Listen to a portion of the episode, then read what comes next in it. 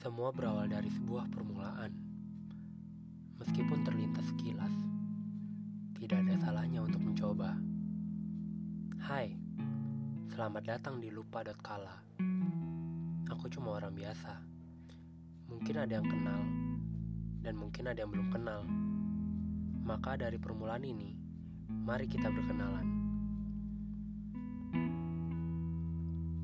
Awalnya lelah, bingung, gabut, dan nganggur.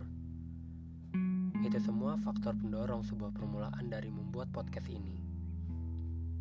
Bisa dibilang ingin mencoba untuk berani dalam mengutarakan serta mengungkapkan rasa apa pun yang pernah dilewati pada puisi yang ada di podcast ini. Siapa tahu dengan adanya podcast ini dapat menemani harimu dengan tenang. Saya pun masih belajar untuk membangun podcast ini. Karena tidak ada yang insan. Semua perlu waktu. Semua perlu usaha.